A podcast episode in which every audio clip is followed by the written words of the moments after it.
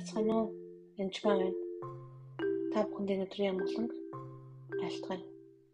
Тэгэхээр бид нар Лук 13-аас уншиж байгаа. Тэгээд энэ Пилата Херодих үнээр Галилейд байдаг Иесусыг Галилех гэдэг митингүүд Ирод тань руу явуулсан байдаг.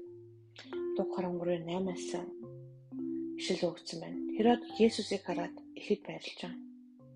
Баярлав. Учир нь тэр Иесусийн тухай сонсож Түүнээс ямар нэгэн тэмдгийг харна хэмээн найдаж байсан тул Иесусыг харахыг удаа хүсэж байжээ. Тэр Иесусийн тухайд сонсч л дээ. Маш олон гайхамшиг тэмдэг үзүүлдэг гэдгийг сонссон байна. Тэгээд энэ хүн яасан? Хэрвээ та Иесусыг уулзъя гэж утал хүссэн байна. Тэгээд бас нэг тэмдэг үзчих санаатай байж л дээ. Тэгээд баахан түүнээс баахан асуулт асуув. Гэвч тэр түнд юу ч хариулсангүй. Тэнд зогсож байсан ахлах тахилчдаар хуулийн багшаас түүнийг хатуу шүрэн буртгаж байлаа. Яасан бэ? Багцсайхан дээр нь хазаан гутан дэвсэлдэг хүмүүс шиг л дээр нь дэвсэлцээр л байсан байна. Багтаад шүүгдүүлэхээ зогсохгүй буруутгуулсаар байсан байна. Тэр энд тэр бас ийм л юм хийдэг.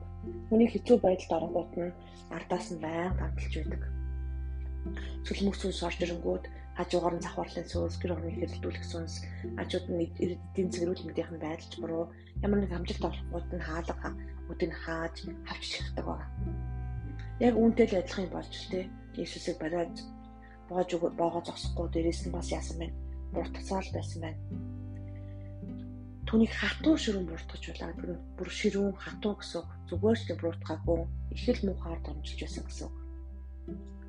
Тэгээ Херод хаан зөндөө гайхамшиг үзээгээд бас нэг хүлээлттэй байж тээ дахиад Иесусыг гайхамшиг үзүүлэх байх өчнөө болсон. Тэмдэг үзүүлэх байх гэж бодож байсан. Тэгээ Иесус бас зөндөө асуулт асуусан. Гэтэл хариулт нь яасан бэлээ Иесус хариулаачгүй. Хариулахгүйсэн. Тэгэхээр нь яг Херод цэргүүдийн хамт түүнийг дормжлон гутааж догт хууйсан дараа түнд гомцог нөмөр нөмрүүлж Пилат руу буцаан өргөлөв. Херод цэргүүдийн хамт тэр бүр сүултээ өөрийнхөө цэрэгтэй хамт өөрөө дормжилсан гэсэн хаана түүнийг доромжлон гутааж доогтохгүй хэлсэн дараа түүнд гомсог нөмрүүлж Пилат руу буцаан өгүүлв. Буцаагаад ихүнээ аваа гэж хэлж байгаа. Өөрөө бас л яасан байна. Шүгэхгүй өөрт нь өгсөн ажлыг түлхэж байгаа. Мэдээж энэ хүний гим нэггүй байсан гэдэг энэ хүн мэдсэн байсан гэсэн. Тэгвэл зүгээр байхгүй дормжилж байгаа. Тухайн дэлхийн эрх мэдлээсээ хамаарат хүн заримдаа хүнийг дормжлох тохиол байдаг. Юм бүхэн төр зурих. Энэ дэлхий дээр байгаа бүх зүйл бүх амьдралд нь төр зурих.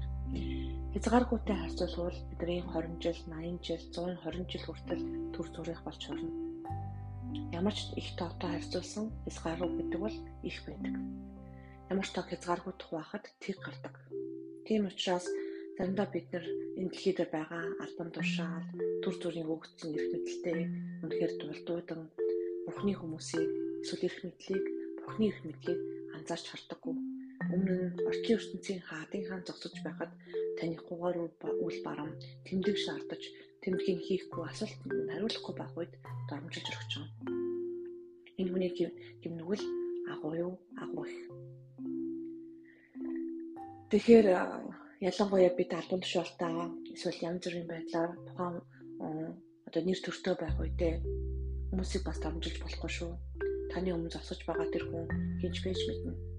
Нэгэн удаа би чамд мундаг пастрыг мундаг мундаг хүнийг чам руу явуулна гэж бурхан надад хэлсэн. Би тэгээд нэг пастртаа бомд буюу уулзалтаа байсан л та консулын чөлөөлөх цагтаа гэтэл нөгөө маань өө би загуу болчлаа уулзалтаа болоод гэж кайцалсан. Цуцалсан байж байгаа.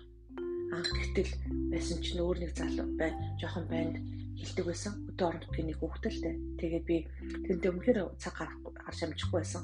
Тэнгүүт нөгөө хичтэн цаг гарлаа. Чам цаг байна уу гэсэн чи байлгүй яхаа хүчээ гэдэл өсөж орчихсон. Тэгээд тэр хүүхд чөлөөлсөн. Тэр хүүхдтэй хүүхдтэй зарцуулсан цаг бол үнэхээр сайхан байсан. Тэгээ бурханд нөгөөдөө таны ярьсан агуу пастор чинь цагуугээ далга болсон шүү. Бурхан миний харин оронд нь хөр хүүхдтэй би каунслинг хийсэн гэж хэлсэн чинь чи хийх ёстой үнтэй гэж хийсэн гэж хэлсэн. Миний ярьсан тэр залуу бүхний дуудагдсан агуу хүн болох хүн байж л те. Би яаж мэдэх вүлээ? Заримдаа галч хөдөө хоногдгийн зүгээр л нэг хүнийг бурхан би сонгосон чи хүнтэй ярих ёстой гэж хэлдэг. Миний бодсон агуу мундаг даа гэж бодсон пассворд маань харин цэцгэрээ өөрхөн болж урсан байдаг. Бодсоос өөр болж урдаг. Тэгэхээр бидний харж байгаа нөгөө Самуэль Дэвидийг харахтаа хончин дээр жоохон хүүхдийг та хаан болно гэж хараагүй байхад бурхан түүнийг хаан болно гэж тавьсан байдаг. Тэрнтэй адилхан бид дэлхийн нүдээр ямиг харуул ийм л херооч байдалд орж ирэх юм гэсэн үг. Тэгээд Луг 23:19 тэр өдөр Херод Пилат хоёр нөхөд болцгооч.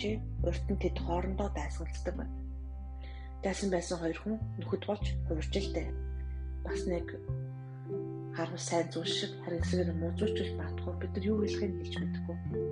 Ямар ч л байсан гэсэн аа энэ дээр бид нэр доогоош нь доромжилж чигтэг олон хүмүүс байж болно. Энд хэд биднийг бурхан авч чадна гэж хэлсэн. Гэтэ бид нар ядуу байж ч юм уу зовн ямар зовлон байдгийг сайн гаралтайгаараа магадгүй хавчсан хавчдаж болно.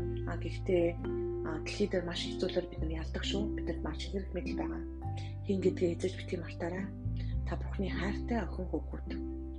Таны хүмүүс шүүж, таны хүмүүс муул, таны хүмүүс дормжилж магадгүй. Гэхдээ Есүсийг хичнээн дормжилсан ч Есүс Бурхны хүү хөврөл байсан. Та ч гэсэн Бурхны хүү. Таны бүх гим нүгэл эзний өмнө зөвтгөгдсөн. Есүс Христосийн тусаар. Баярлалаа танд.